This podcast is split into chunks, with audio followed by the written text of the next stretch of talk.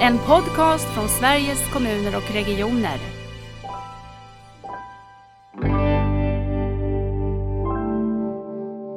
Så om man tror att man sparar in en kvart så kan det bli att den personen får ett större behov någon annanstans för det blir någonting som tillstöter.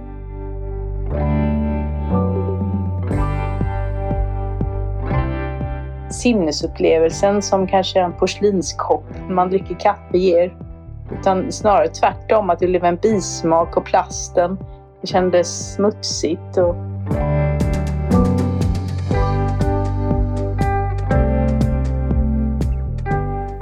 Kärnan i nära vård, det är personcentreringen. En personcentrerad nära vård är ju det vi alla jobbar för när vi jobbar för att ställa om hälso och sjukvård och omsorg. Idag i Nära vårdpodden så har jag en gäst som verkligen brinner för det här ämnet eh, och som jag vet kommer att eh, tillföra mycket till oss som lyssnar. Så jag är så glad att få prata med Pamela Lindgren. Välkommen till Nära vårdpodden Pamela. ja, tack så mycket. Det är roligt att vara här. Ja, jätteroligt. Du får börja berätta för alla nyfikna lyssnare vem du är och, och varför just det här är så viktigt för dig med personcentrering.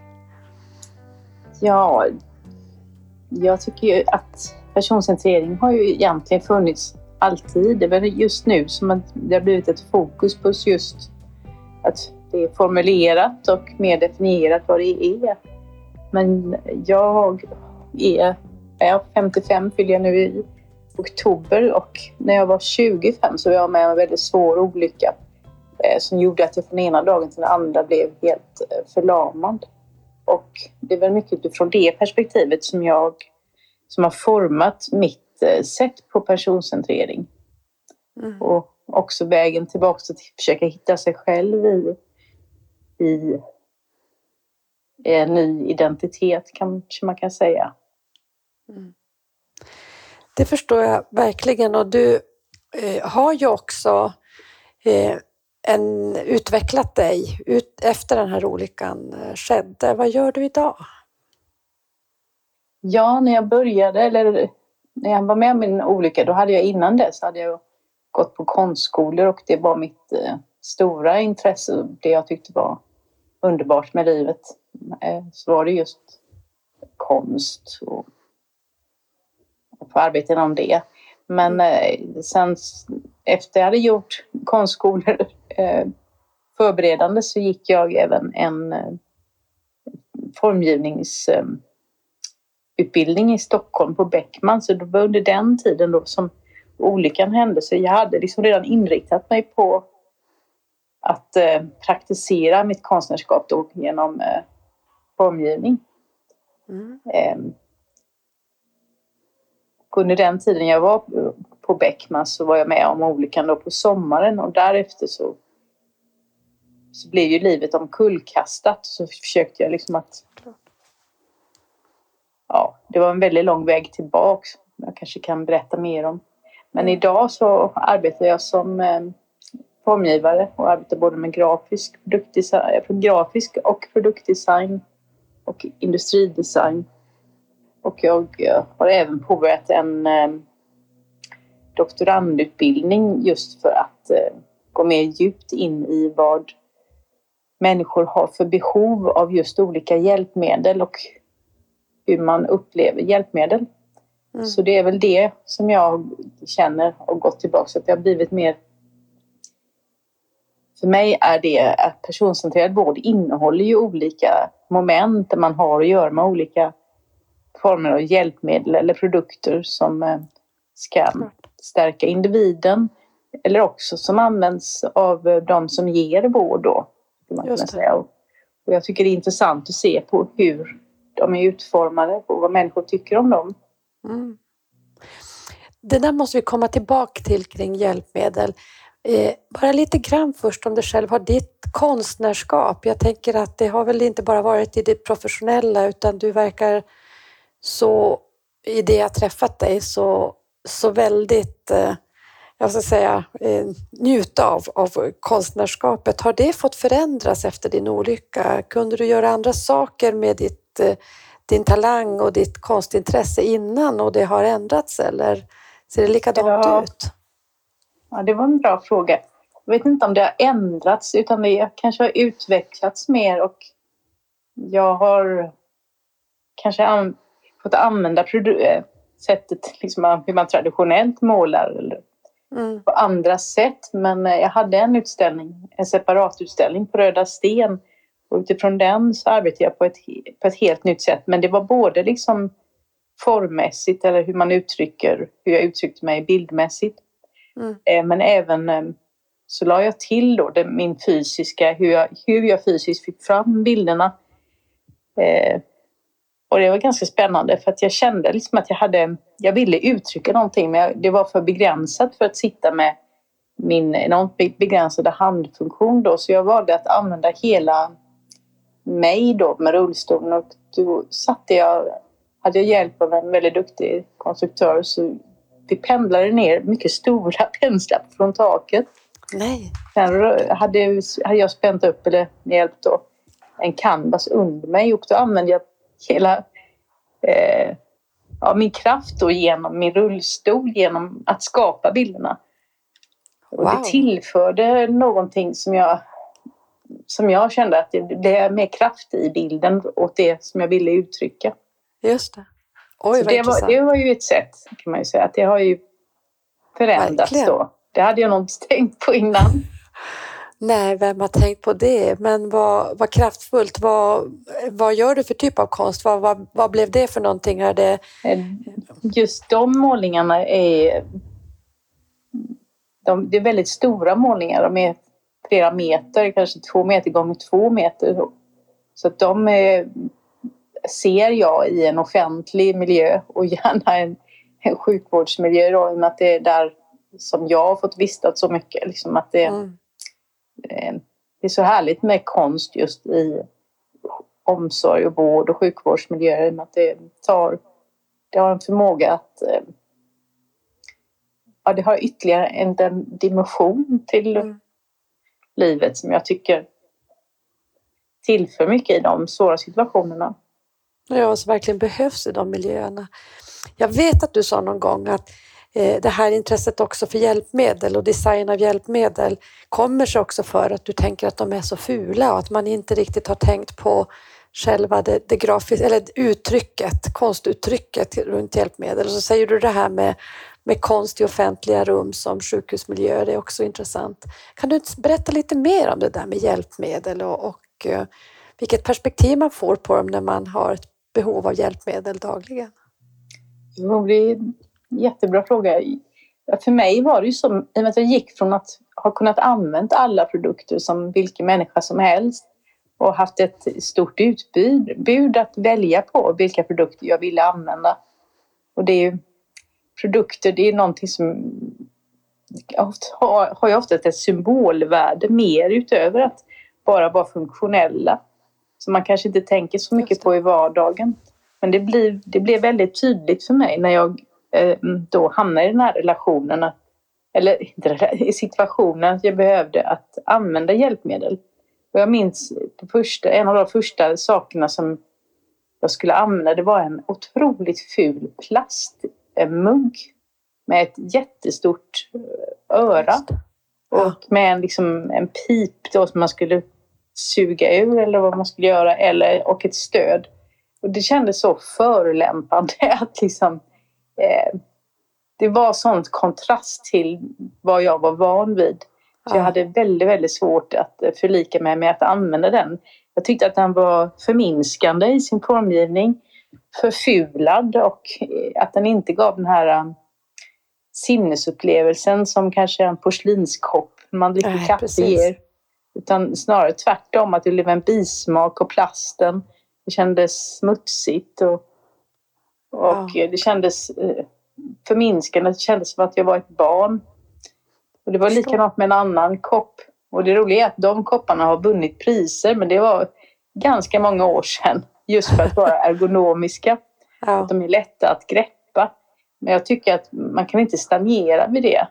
Utan man måste ändå utveckla så att, det, så att det känns bra fullt ut för den som människan som kanske inte har något val än att använda dessa Nej. produkter.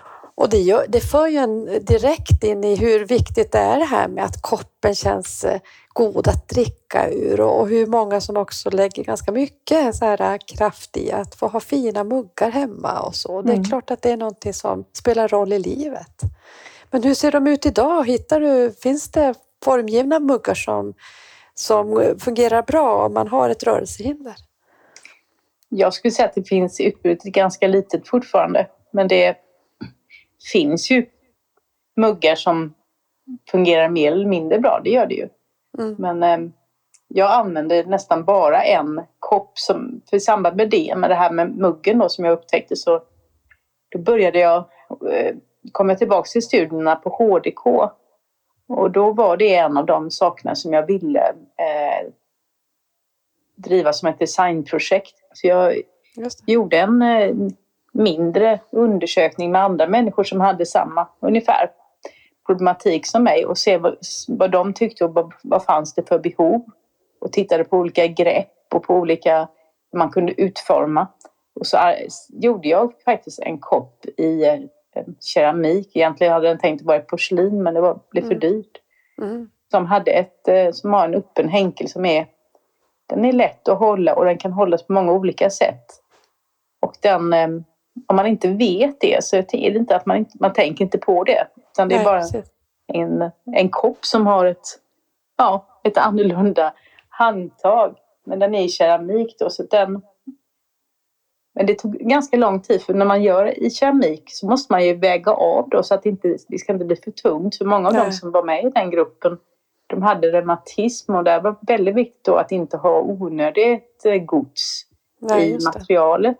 Just det. Sen var det en annan som hade eh, Parkinson och där var det nästan tvärtom då. Så det, Mm. det är en balansgång. Alltså den behövde ha en viss eh, tyngd för att kunna hålla stilla då. Just det. Men jag kom ändå ganska långt tyckte jag i att kunna ta fram den här koppen som det är den som jag använder alltid Mm. fortfarande. Och den produceras? Nej, den producerades i mindre skala i samband med att jag gjorde den. Sen har jag haft bara svårt att eh, hitta rätt producent och eh, ja, att, jag hade gärna velat göra det i Sverige men det är så väldigt dyrt att producera Okej. någonting i Sverige. Just det. Det, just det projektet kanske inte, ja, ja det har inte, det finns tyvärr inte till, till försäljning just nu, det gör de inte. Men jag tycker att det är eh, ett eh, viktigt och bra exempel du tar upp, för det öppnar också ögonen tycker jag kring det här med hjälpmedel och eh, att leva med dem så, så nära och dagligen och hur viktigt det också är med designen. Din doktorandutbildning, var gör du den någonstans?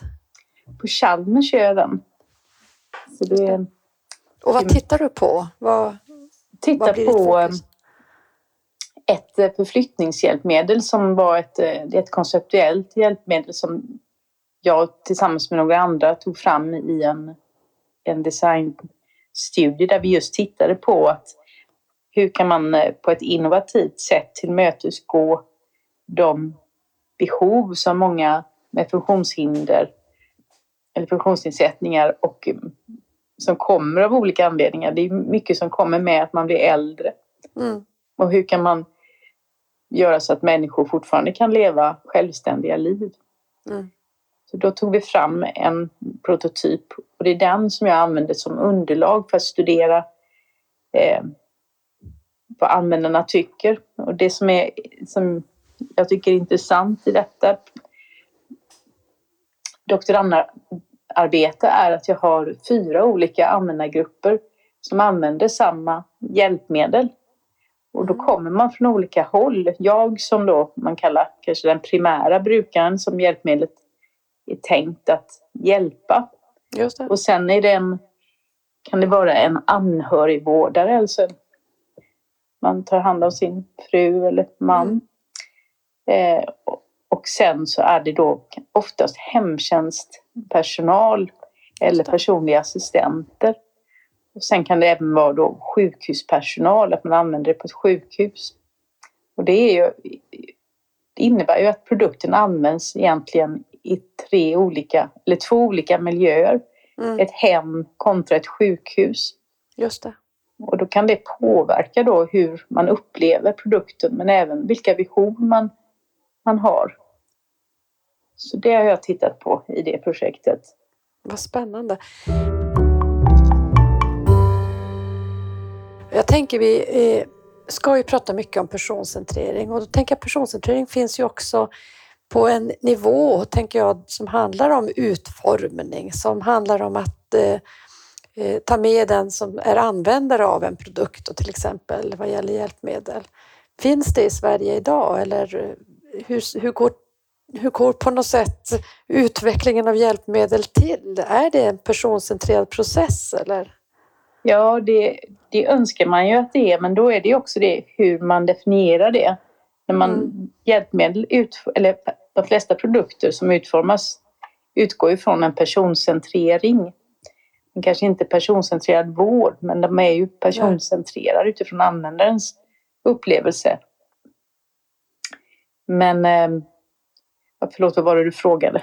Jag tänker mer hur, man pratar mycket i forskningen till exempel nu om att eh, se till att man har, har inne patienter och närstående som aktiva partner i forskning. Och jag tänker också i produktutveckling, till exempel av mm. hjälpmedel, i design, hur vanligt det är att man förstår att utvecklingen också behöver ske tillsammans med användaren. Precis som du säger i ditt projekt, att det är ju, sen är det flera som är användare av en, eh, ja, precis. Mm. Precis, jo. Nej, men det är man medveten om naturligtvis.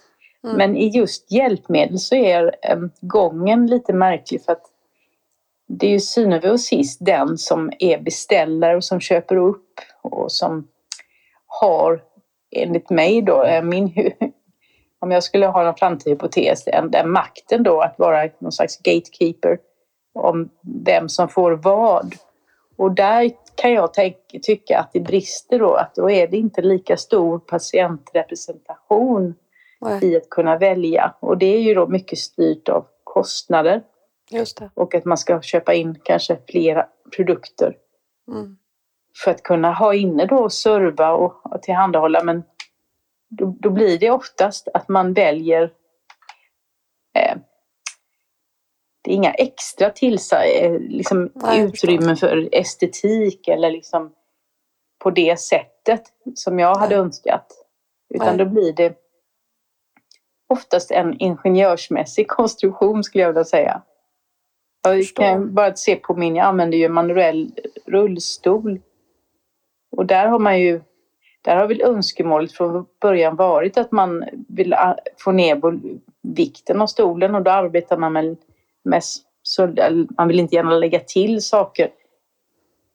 Men där, bara för att man inte vill lägga till saker så innebär det ju inte att man kan göra någonting som är eh, skönt för ögat att titta på. Nej, det precis. tycker jag att man aldrig gör i dessa produkter. Behöver, behöver skönt för ögat alltid vara dyrare? Nej, det anser jag att det inte behöver vara utan det är väl mer ett... Eh, ja, det kan ju vara ett... Det är ett sätt att tänka men jag kan ju se lite längre att det är väl också eh, vilka normer och eh, värderingar man har i i ett samhälle. Vad ska få kosta saker mm. och hur ska saker se ut? Mm. Det är ju det är ju väldigt bra i Sverige att de här hjälpmedlen är oftast någonting som man får låna då. Just det. Men då innebär ju det att om du har lånat ett hjälpmedel så är det inte ditt. Så du får ju inte förstöra det eller förställa det heller då. Ja, just det. Precis. Så det blir en eh, lite konstig eh, ja, det, blir, det blir svårt att ta till sig hjälpmedlet och göra det till, sin, till, sig, till sitt. Ja. Och det är just ja. det symbolvärdet när någonting, det här är mitt, det här representerar mig. Mm. Det är väldigt viktigt i hur man upplever sig som person och ens identitet. Verkligen. Och vad man vill förmedla till andra om sig själv. Verkligen. Ja, ja, det bara kom, jag bara kommer på att tänka på, det handlar ju kanske inte bara om estetik heller utan funktionalitet. Min mamma var under sin sista tid i livet beroende av en sån här talsyntetplatta eh, som hon då fick, fick låna. Men det innebar ju att hon kunde inte använda den till exempel att ha ett digitalt möte med vården för man fick inte ha in en sån applikation på de här plattorna och det jag tänkte att det hade gjort hennes liv så mycket lättare. Ja. Eh, Att samma platta som hon också kunde använda till talsyntes kunde hon också göra Mm. andra saker med. Då. Ja. Men, eh, så det finns säkert många olika dimensioner i det där att, att också kunna få, Mm. få så mycket självständighet och funktionalitet som, som möjligt och så mycket jag känner att det här känns bra för mig, koppen Mm. att dricka ur. Eller? Men det tycker jag, det exempel som du sa där om din mamma, det är ju väldigt tydligt tycker jag. Att man inte då har sett till att det är personcentrerat. Det, det blir merarbete för din mamma att liksom inte kunna använda den och kanske behöva någon annan. Precis. Eh, Det, det faller ju bort mycket. Man, blir, man tillför en stress som är onödig egentligen. Mm, precis. Jag tänker mycket på eh, både omställningen till nära vård som har har personcentrering som grund och du som var inne på det här med självständighet och, och, och så att personcentreringen också strävar så mycket efter att kunna få vara, ha ett bra liv och vara självständig i slutändan. Det gör ju nära vård också. Du har ju valt att engagera dig i Centrum för personcentrerad vårds personråd. Varför har du gjort det? Varför är det viktigt? Jag, jag blev ju tillfrågad att vara med där. Det är ganska många år sedan nu. Det är fem år sedan, eller till och med sex. Och eh, det, det var ett sätt att få vara med och göra patienten eller närståendes röster hörda i Mm. olika vårdsammanhang och även forskningssammanhang. Och det tyckte jag var väldigt viktigt för att det, det är röster som oftast inte kommer med enligt mig. Nej. Men viktiga eh, röster för att det är människor som har varit i vården och fått väldigt mycket vård eller vistas i de miljöerna har ju en enorm eh, kunskap och erfarenhet som jag tror är svår att få på många andra sätt om man inte riktigt har upplevt det själv. Och den dimensionen tycker jag är väldigt viktig att man tänker på när man tar fram olika forskningsprojekt och att man tar fram projekt tillsammans med patienter och närstående Ja. som känns Ja. relevanta för dem. Mm. Eh, när du tänker personcentrering, hur vill du beskriva personcentrering? Vad är personcentrering för dig? Ja, det, det är ju ett ganska abstrakt ord. Man kan ju tolka in väldigt mycket i det. Men för mig är det nog att eh, utifrån min eh, situation så, så tycker jag att jag räddades till livet eh, när man tog hand om mig efter min olycka. Men Mm. då tycker jag också att det finns ett ansvar liksom att se till att det livet man räddar känns meningsfullt och är bra för Mm. den människan som ska leva det. Och det tycker jag är eh, personcentrerat.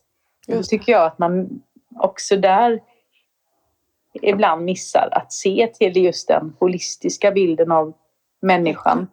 Och det är nödvändigt för att, ja, för att kunna ge och planera god vård som man ska kunna ta till sig då.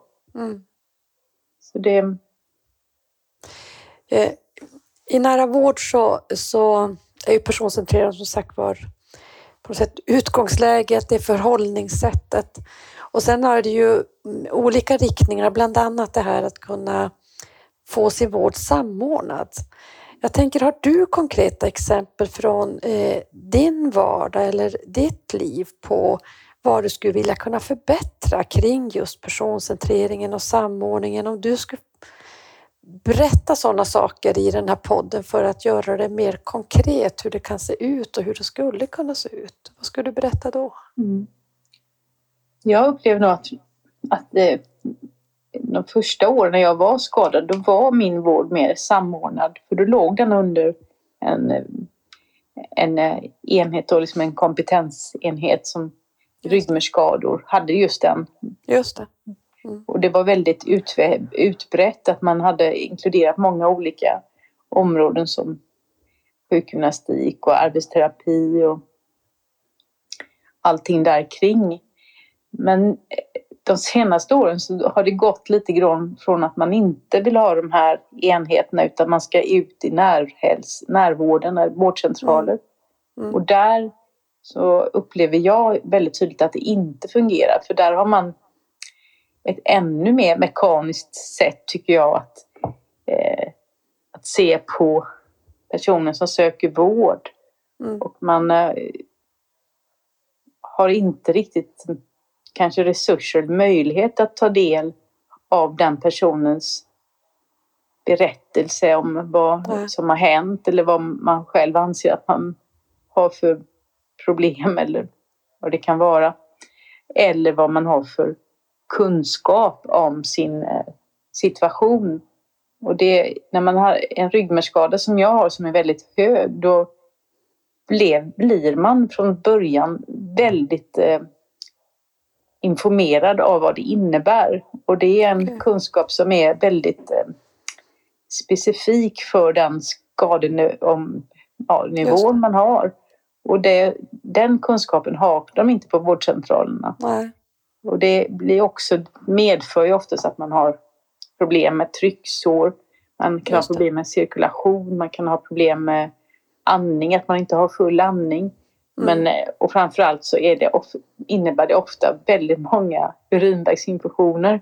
Just Detta det. har jag varit med om så många gånger i 30 års tid. Och jag Såklart. upplever att den kunskapen inte tas om hand i primärvården. Utan Nej. snarare att man blir eh, ja, nedpressad att vänta på deras, eh, Mm.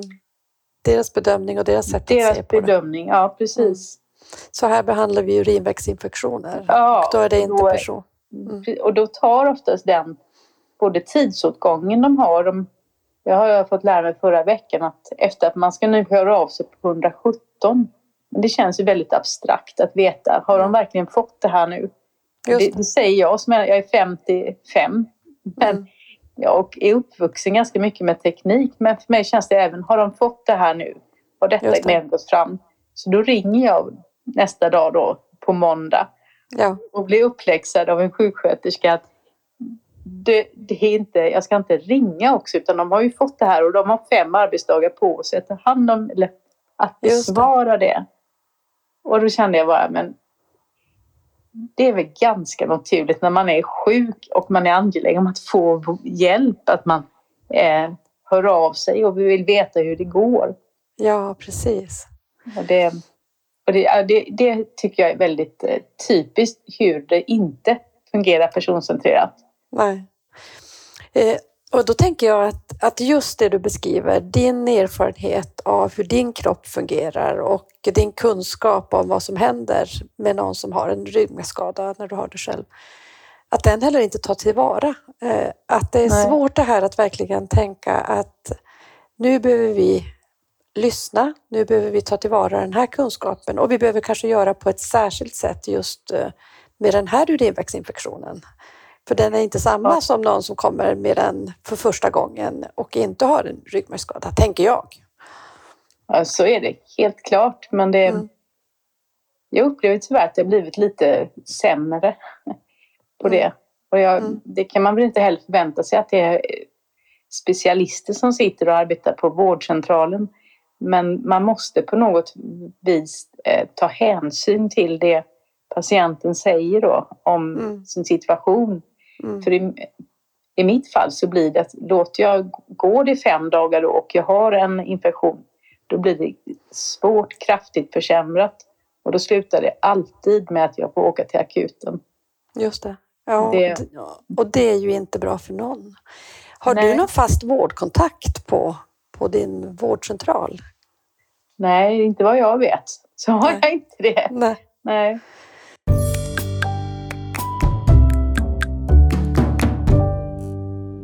För jag tänker också att det skulle ju vara, då har man någon som, som man känner och som man kan höra Mm. av sig om man då gör det digitalt eller om man gör det Mm. per telefon.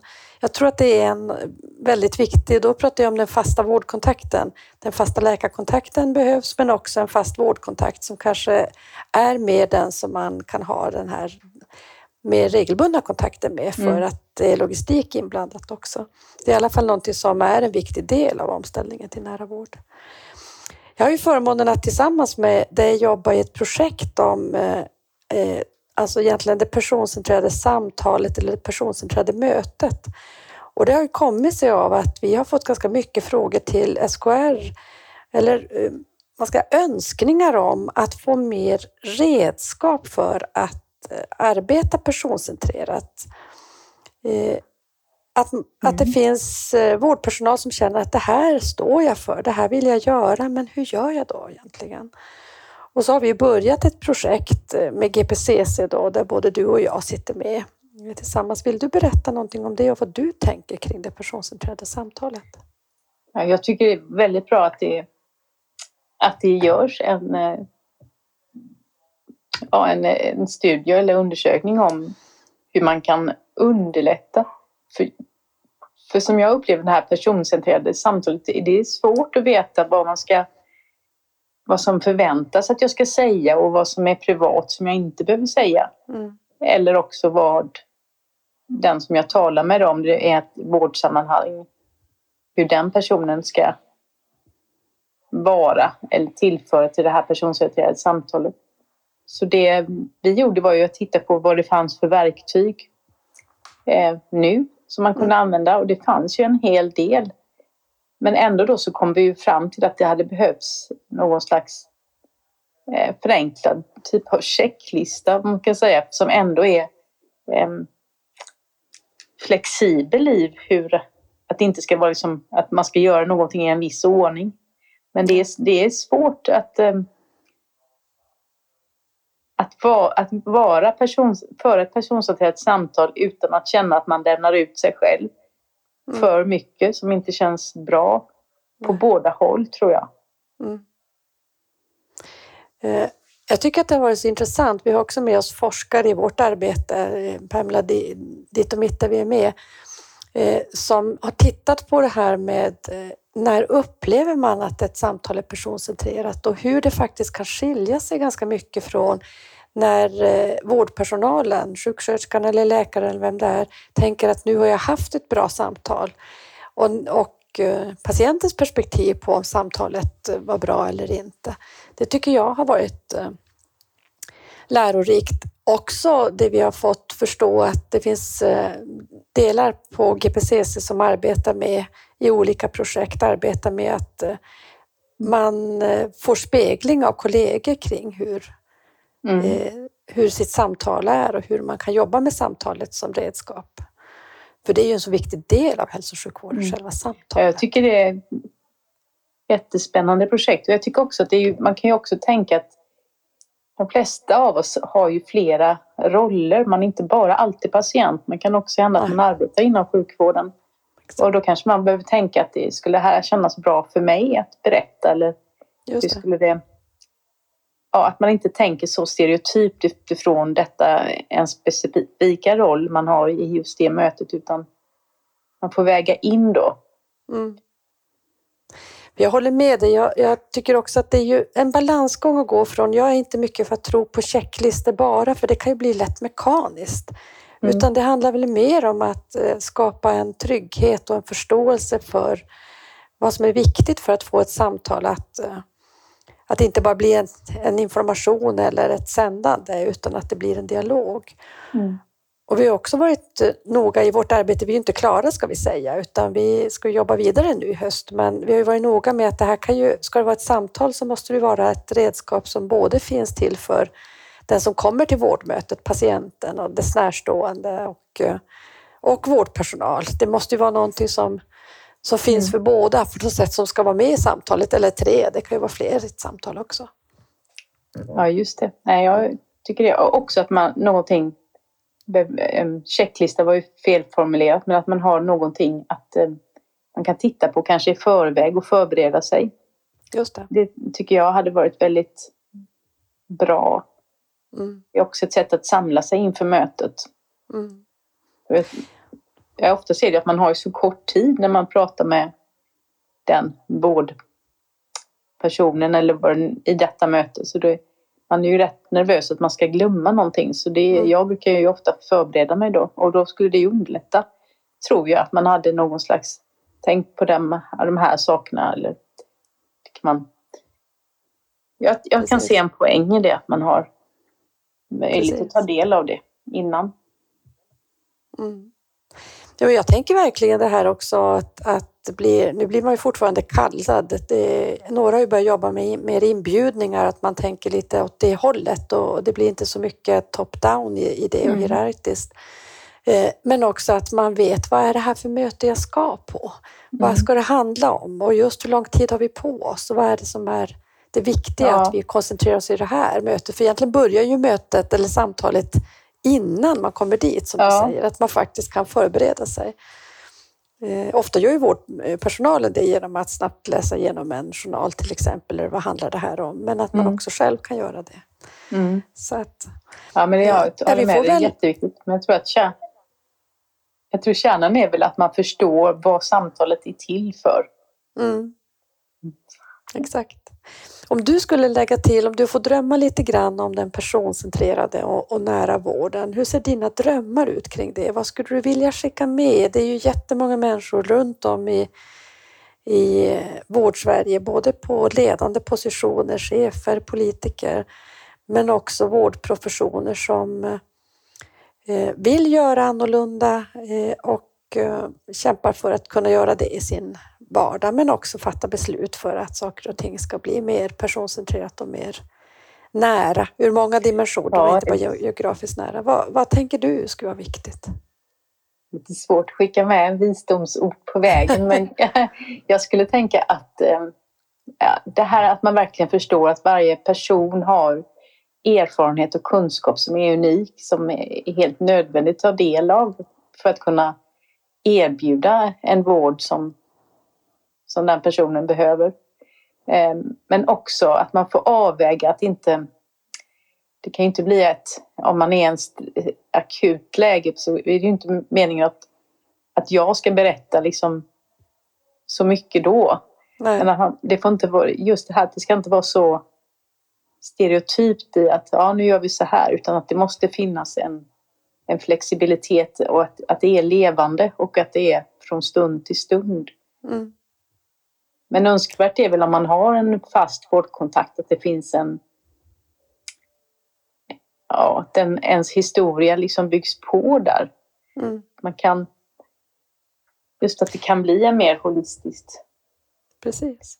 Jag tänkte på det här med samordningen och eh, dels den fasta vårdkontakten. Jag vet ju också att eh, du har ju behov av personlig assistans i, i, ditt, eh, i din vardag. Eh, mm. Hur tänker du att eh, delar som LSS, eh, socialtjänst, mm. hälso och sjukvård, vad fungerar där och vad skulle vi behöva göra bättre där? Ja, det är en jättebra fråga. Det, det har jag tänkt på mycket sedan jag blev engagerad i det här med personcentrerad vård. Det är precis som du säger, så i och med att jag har en så hög skada så har jag ett ganska stort behov av att få hjälp att genomföra olika saker. Och där har eh, LSS då som det heter, lagen om särskilt stöd för, ja, för funktionshindrade är det väl. Eh, det är Försäkringskassan som bedömer då ens vårdbehov eller de insatser man ska få. Och de har ett väldigt snävt system. De mäter tidsmässigt hur mycket en det tar för, no för mig att eh, till exempel eh, ta på mig, äta, eh, ta mig från en plats till en annan, borsta tänderna, gå på toaletten. Alla de här sakerna som man inte någon annanstans mäter i tid. Nej. Nej. Och därefter så bestäms då ett, ett visst antal minuter och det är verkligen nästan nere på sekundnivå. Oj. Och så bygger man på då hur mycket minuter detta blir. Och mm. det tycker jag nu efter att ha arbetat så mycket med det här med personcentrerad vård är ett helt fel sätt att gå. Jag tror att det, är ett, det blir inte billigare för samhället utan det blir tvärtom. Det, man måste förstå det att de, en människas liv ser inte exakt likadant ut från dag till dag. Verkligen. Eller vecka till vecka eller månad till månad. Så om man tror att man sparar in en kvart så kan det bli att den personen får ett större behov någon annanstans för det blir det. någonting som tillstöter. Så där, där, tycker jag att eh, det hade varit så intressant att, arbeta med något projekt som tittar just på personcentreringen i detta. Exakt. I hur de bedömer detta. För det, jag tror att det hade varit intressant att se om man jämför ett personcentrerat sätt som jag kan föreställa mig då skulle kunna vara mer att man ser en helhet och bedömer att det här är ett vårdbehov som mm. du ska självklart få mot det här som är snäva systemet med minuter. Och då för att se vad det ger individen i hälsa, välmående Precis. och kostnader för samhället. Jag tror inte att det minuten-systemet är så mycket mer effektivt kostnadsmässigt, vilket var, verkar vara det enda de tittar på. Och jag tänker, för det, det, har vi lärt oss mycket och jag tycker jag har fått lära mig fantastiskt mycket i, min, i den här rollen jag har nu kring att se systemet snarare än, än de olika delarna. Och att ofta så får man ju, precis som du säger, blir man för minutstyrd i en del av systemet, då kommer kostnaden någon annanstans. Man får en komplikation, man kanske får mm. en extra urinvägsinfektion för det blev så stressigt. Jag, nu bara tänker jag själv här. Ja. Men eh, så belastar en annan del av, av vårt eh, mm. offentligt finansierade system.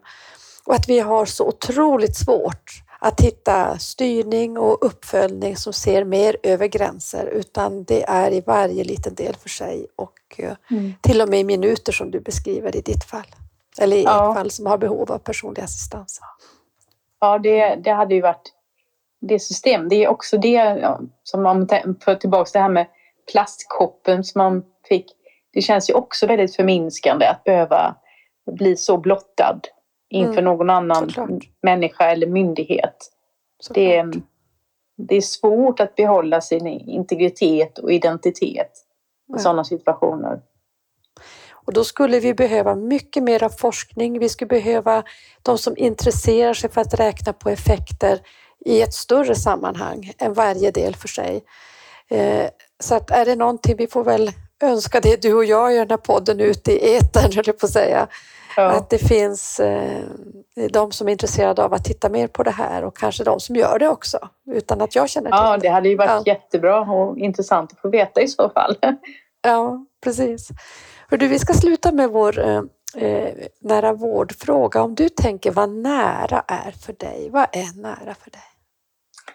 Ja, det ordet det har jag funderat på. Det finns, det är ju det är så mångtydigt. Liksom, att det kan vara nära, kan ju att man när någon med mat, föda eller värme. Eh, men det kan ju också vara att man eh, att det när en önskan om något, kanske ett hopp. Just det. Men nära, ja, det, det har både med avstånd och närhet att göra för mig. Att det, och mat eller kärlek. Mm. Tack för fina slutord och tack för ett eh, otroligt viktigt och, spännande samtal. Jag ser fram emot vår, vårt fortsatta gemensamma arbete med det personcentrerade samtalet. Pamela, tack för att du kom till Nära vårdpodden. Ja, jättetack för att jag fick vara med och att ni har tagit er tid att lyssna. Väldigt intressant. Tack så mycket. Tack.